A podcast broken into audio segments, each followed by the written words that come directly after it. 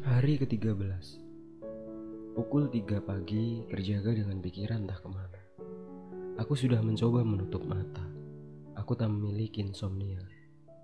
Setahuku Kecuali mungkin baru hari ini.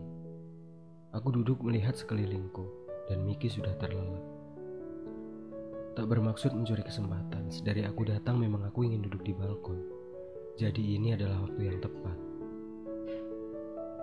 Aku butuh ketenangan dengan teman yang tak bisa bicara, bahkan memberi saran. Ku sebut ia kesepian, yakni waktu untuk duduk sendiri. Aku mengangkat tubuhku pelan karena Miki adalah ketakutanku yang lain. Aku tak punya tenaga karena rasa sakit di kepalaku. Bersandar pada tembok dan berjalan pelan seperti seorang pemabuk yang kehabisan minumannya. Dalam kegelapan aku mencari rokokku kemudian sebotol air mineral. Pintu kubuka dan tiga kursi tanpa penghuni tertata rapi. Aku lantas tersenyum. Miki biasanya selalu marah. Aku yang sering kali membuatnya berantakan dan kotor dengan gelas berserakan di mana-mana. Duduk sebentar minum air mineral dan rokok menyala dalam gelap. Ku bejamkan mata sejenak. Harusnya masalahku sudah berakhir. Batinku mengeluh. Lalu dari balik pintu yang terbuka tanpa ku tahu, Kau pikir aku sudah tidur? Ucap Miki. Maaf, aku hanya, kau tahu hanya butuh sedikit waktu, Tik. Ucapku. Duduklah, suruhku. Miki kemudian duduk di sampingku. Sebenarnya apa yang terjadi denganmu? Terlalu banyak. Miki sejenak menatapku, sesekali memperhatikan kumpalan asap yang sejenak saja menghilang karena angin pengganggu. Gak apa-apa katanya berusaha menghibur. Kurasa begitu, usapku tertunduk. Oh iya, bagaimana kabar ibumu? Tanyanya lagi. Baik, dia selalu menjadi wanita yang luar biasa. Aku menatap samar lampu di seberang jalan. Terbayang kunang-kunang yang tak bercahaya karena kalah beradu dengan sorotnya. Kau tahu, aku mengidolakannya. Ucap Miki. Oh iya, Lusa jika aku minat untuk kembali pulang, mungkin aku akan memintakan tanda tangan untukmu. Candaku. Miki tersenyum dan mencubit lenganku keras. Aku mengadu ikut tersenyum. Kembali tertunduk. Aku gak bisa tidur, Tik. Lanjutku. Aku membuat ayahku kecewa. Lagi. Itu menjadi beban terberatku. Selalu begitu sejak dulu. Akan ada waktu di mana kau akan buatnya bangga padamu, timpalmu. Ya, semoga aja. Oh iya, dan bagaimana hubunganmu dengan kekasihmu? Aku tahu itu hanya pengalihan topik. Kekasih? Yang mana? Aku nggak punya. Gak usah bohong. Dulu kan kau sering panjang fotonya untuk profil kontakmu. Siapa namanya? Oh itu, Fiona, jawabku. Nah iya, Fiona. Aku tertawa ringan. Kami tak punya hubungan, jelasku. Hah? Miki kaget. Kok bisa? Maksudmu kau sudah memutuskannya? Ya. Kau tahu aku tak merasa bangga. Kapan? Kemarin saat pulang. Iya, kok bisa? Ya tentu aja bisa. Lantas kenapa?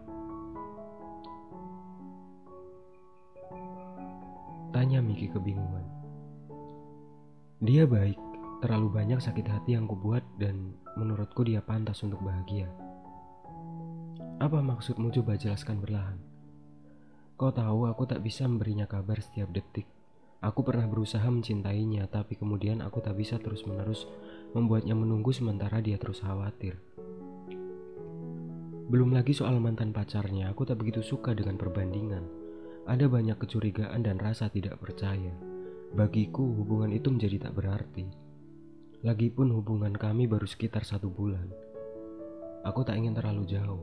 Dengan banyak kebohongan, aku mengakhirinya. Dosaku sudah teramat banyak, jelasku.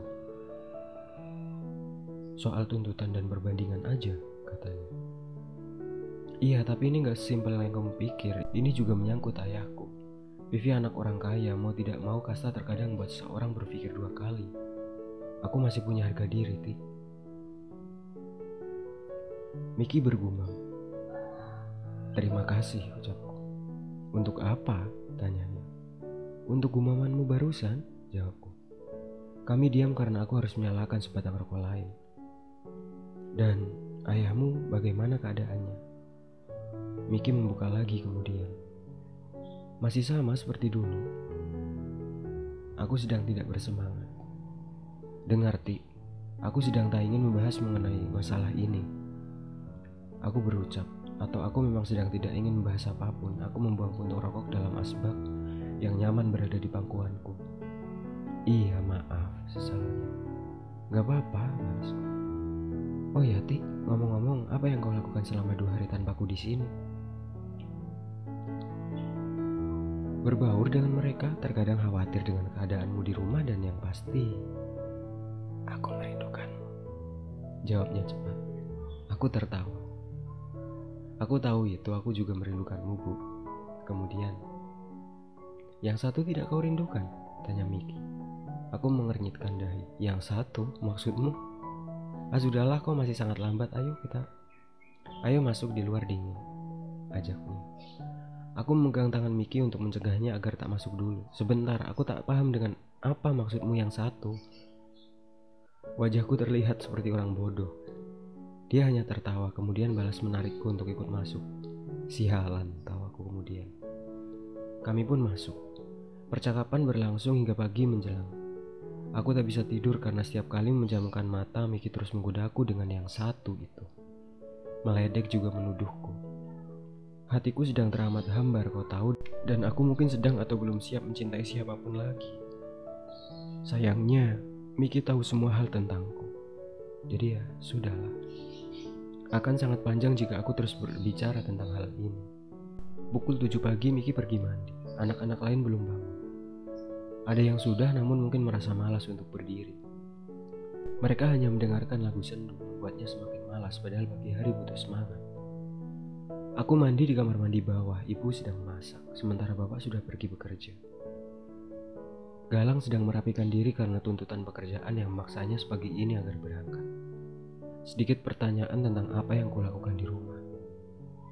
Bercengkrama terlebih dari lima menit sebelum akhirnya berangkat. Galang anak yang rajin, dan kedua orang tuanya ingin dia melanjutkan studi, bukan bekerja. Akan ada waktu di mana dia harus bekerja, yang jelas bukan sekarang. Ini yang ku tahu dari bapak. Ibu pun sama, bukan tentang kegiatan namun bertanya bagaimana istirahatku. Aku sudah lebih baik setidaknya jika dibandingkan dengan beberapa jam yang lalu. Mungkin ini pagi yang tepat, sama halnya dengan Miki. Ibu juga meledekku mengenai yang satu. Ini membuat semua hal tampak konyol.